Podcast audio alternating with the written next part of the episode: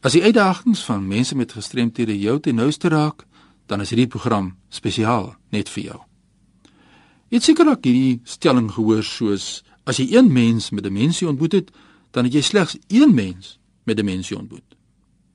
Nou om hierdie opmerking in perspektief te stel, gesels ek verder met 'n gereelde gas hier by Leefwêreld van die Gestremde. Rein Stroebel, welkom hier by ons. Dankie Fani. Rein, ja, soos ek gesê het, hierdie stelling is gemaak ook in jou laaste gesprek wat jy met my gehad het oor demensie. Wat bedoel jy daardeur? Wanneer as 'n mens net kyk na die semantiek, kan 'n mens nie sê alle mense met demensie of alle mense met gestremdhede of alle swart mense of alle wit mense nie. Elke mens se leefwêreld is uniek. Demensie is 'n is 'n baie groot term. Uh dit is 'n sambreel omskrywing van 'n siekte toestand wat nou al ongeveer 17 verskillende tipes demensie geïdentifiseer het. So nee, daar bestaan nie iets soos alle mense met demensie gaan A B of C doen, ervaar, beleef nie.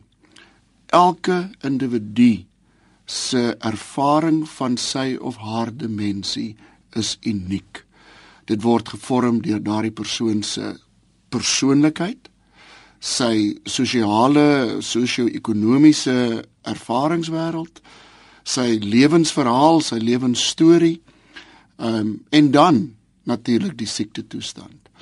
Uh die siekte toestand is ongelooflik kompleks. Uh dit is kompleks in waar dit in die brein manifesteer. Dit is ook kompleks soos ek verlede keer genoem het oor die non-studie wat gedoen het dat dit nie noodwendig in die brein manifesteer nie. Uh maar ook 'n sielkundige baie groot sielkundige element het.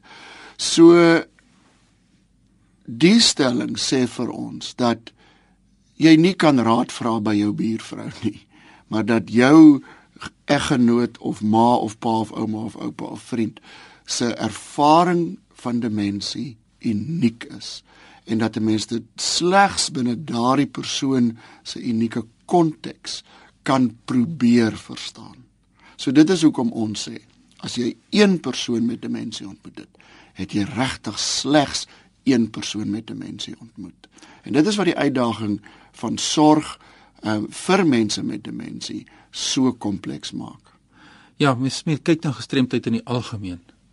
Ons veg baie hard en werk baie hard ook van die gestremde sektor se kant af om die kwessie van diversiteit ja. na vore te bring. En ek dink dit is iets wat 'n groot leemte is want soos jy gesê het, moet die gemeenskap nou persone ondersteun, hulle moet families ondersteun en dat 'n mens nie 'n tipiese voorbeeld kan kry. Maak dit baie moeilik, nee. Dit maak dit baie moeilik. Aan die ander kant, weet jy, dink ek ons ons maak dit soms te gekompliseerd. En dit is as ons kan terugkom na die mens. Ja, eers vergeet van die gestremdheid vir 'n oomblik en gaan net terug na die mens. En dit is wat vir my jammer is dat en dis waar die stigmatisering vandaan kom dat ons wil mense in 'n boks sit. Ehm um, en ons vergeet van die van die identiteit. Uh soos die Engelse sê die autonomy van die mens met sonder gestremdheid. Ehm um, en ons fokus so op die tekortkominge, die breindisfunksie uh, wat ons in Engels ook praat van die biomedical model. Uh, ons is ons is amper obsessief daaroor. Ja. Uh, dat ons die brein se werking wil verstaan. Uh, en navorsing is obsessief daaroor en daar word miljoene rande gegooi na navorsing om die brein te verstaan. En ons vergeet die mens. Ek wil net iets vra nou op hierdie punt. Daar's ook iemand wat vra die gemeenskap is baie geïnteresseerd in hierdie onderwerp en die kwessie van Alzheimer in perspektief te stel wat ons nou sê. Jy het laas hier dit opgesom. Sê net weer vir ons wat het jy daaroor gesê? Om Alzheimer op te som. Ja, en in perspektief te stel ten opsigte van demensie. Ja, Alzheimer is 'n tipe demensie. Demensie is die sambreelterm vir verskillende tipe kognitiewe atrofie. So jy het Lewy body disease, jy het frontal lobe dementia. Um in Suid-Afrika 'n baie groot realiteit is HIV AIDS related dementia. Um jy het jy het verskillende tipes demensie wat onder die sambreel term vasgevat word. Nou voor ons verder gaan, ek gesels so lekker met Rein Stroebel, maar Rein, sê net vir ons 'n bietjie meer iets oor jou agtergrond. Goed, ek ehm um, ek sê altyd vir mense my my enigste claim to fame is dat ek het in 'n ouete huis groot geword. My ma was die matrone van 'n ouete huis en ek het gesweer dat ek nooit in my lewe weer my voete daar sal sit nie. Maar ja, 17 eh, jaar terug het ek myself weer bevind in die in die omgewing van ouer persone en besef dit is waar my passie lê. Ek staan besig met my meestersgraad in dementia studies uh en ek voel regtig passievol daaroor dat dat mense nie geïnstitusionaliseer moet word nie dat mense binne die samelewing geïntegreer moet word uh en dat die eintlike probleem nie lê by die persoon met die gestremdheid nie. Die probleem lê by ons onvermoë om met die persoon met 'n gestremdheid te kommunikeer uh ons ongemak daarmee. Um ons is die dommes Ons is die mense wat nie verstaan as dit kom by die ding van moeilike gedrag byvoorbeeld. Jy weet, ons is so dikwels ons ons is so besig om mense se gedrag te klassifiseer. Ehm um, in steede daarvan dat ons regtig sien dat daar nie iets soos moeilike gedrag bestaan nie. Ek het gister die voorreg gehad om weer by die Instituut vir Blindes op Woester te gaan opleiding doen. Uh en jy gaan met een van hulle hulle inwoners ook 'n onderhoud voer. Waar ek net besef die persoon met demensie of die persoon met 'n gestremdheid wat nie verbaal kan kommunikeer nie, kommunikeer met gedrag, met 'n gesigsuitdrukking, met 'n lyfstaal. Dit beteken nie dit is 'n manifestasie van die demensie nie. Dit is ek probeer vir jou iets sê en ek is die dom ou wat dit nie verstaan nie. Ehm um, Ons sien dit so dikwels dat mense sê ja jong, eh, dis maar deel van die demensie dat hy op en af loop die hele tyd. Dit is nie deel van die demensie nie. Daai persoon mag ongemaklik wees, hy mag honger wees, hy mag die toilet soek. Um, in 'n institusionele omgewing waar hy nie tuis voel nie, mag hy wel dit bedoel as hy sê ek wil huis toe gaan. Um, 'n Hospitaal is nie 'n plek om in te leef nie. So die omgewing het 'n ongelooflike impak op die welwees van die persoon wat leef met demensie.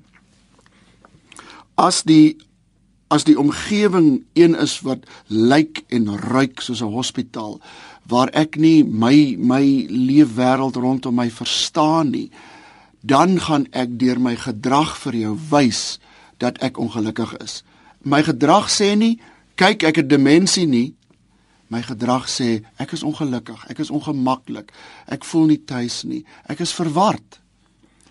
Ek wil op daai punt inkom. Uh Rein en dit is iemand skryf vir my. Uh, ek moet vir jou vra wat is die die beste manier die hierdie moeilike hantering soos hierdie persoon dit stel. Die moeilike uh, gedrag en die moeilikheid rondom die hantering daarvan, die uitdagings as ek dit so kan stel. Wat sê jy vir die luisteraars daaroor? Weet jy Fani, Ek het 'n hele paar oproepe gekry na die laaste gesprek ook hieroor. Daar bestaan nie iets soos moeilike gedrag nie. Daar bestaan nie so iets nie. As ons regtig waar net vir 'n oomblik wil gaan stil staan en dink, hoekom? Wat probeer die persoon vir my sê? Iemand vertel my 'n wonderlike storie van 'n oom wat wat 'n uh, um, 'n beroerte gehad het en glad nie verbaal kon kommunikeer nie en hoe hy gesit en skree en skree en skree het en almal wat naby hom kom met die vuis bygekom het. En 'n paar maande later toe hy sy spraak terugkry, toe sê die verpleegster vir hom: "Jene oom, maar jy was daarom ongelooflik moeilik. Wat was wat het aangegaan?" Toe sê hy: "Weet jy wat? Niemand het die moeite gedoen om my onderbroek aan te trek nie. Weet jy hoe ongemaklik is dit vir 'n ou man om sonder 'n onderbroek te sit die hele dag?" Dis hoekom ek geskree het. Dit was seer, dit was ongemaklik. Niemand het dit raak gesien nie. Ongelooflik. Ja, dit is Reinstroebel kundige op die gebied van demensie en dit is 'n voorreg altyd om met jou te gesels en die luisteraars vra vra en die luisteraars wil graag deelneem aan hierdie proses so ek sien dit is op 'n proses wat ons op die langtermyn moet aanspreek. Nou goed, as ons moet opsom, ons nou gekyk na die mens eerste en die omgewing se impak of as die omgewing nie reg is nie wat die implikasies daarvan kan beteken. Daar is stigmas. Soos ons nou kan die laaste gedeelte van ons program afsluit deur watter raad het jy? Hoe kan mense die stigma verander hmm. buite? Weet jy, Fani, dis is 'n dis 'n komplekse ding in die sin dat dit is in die wêreld se beste belang om die ergste van 'n gestremdheid of 'n demensie na vore te bring. Want dan kry ons befondsing, dan voel die mense vir ons jammer. Dan gaan die wêreld anders kyk en dis waar die stigma vandaan kom. Ons moet begin wegbeweeg van van die demensie, van die gestremdheid en terugkom na die mens. Ons moet hierdie mens so ver moontlik binne die samelewing herintegreer en ons moet die samelewing opvoed om die mens te inkorporeer en 'n lewe te bied wat die moeite werd is om te leef.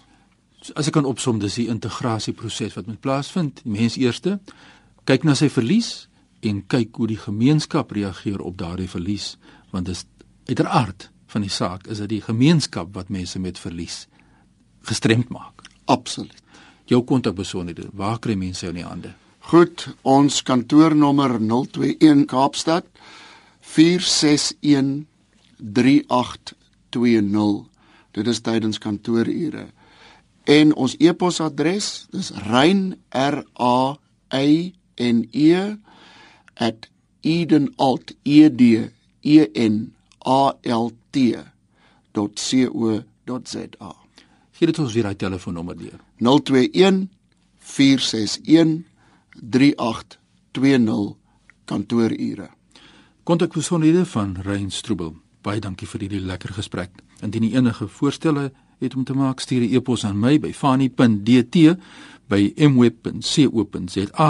Jy kan my volg op Twitter by Fani Dreams of kom ons gesels lekker deur middel van Facebook of Skype. Ja, die wêreld het klein geword. Ons kan soveel kosbare inligting met mekaar deel rakende die leefwêreld van ons mense met gestremthede. Onthou ook hierdie program word Woensdaeoggend om 3:15 herhaal en die program Leefwêreld van die Gestremde kan afgelaai word van Potgooi deur middel van die webtuiste besoek rsg.co.za en volg die instruksies. Groetens van ons uit Kaapstad.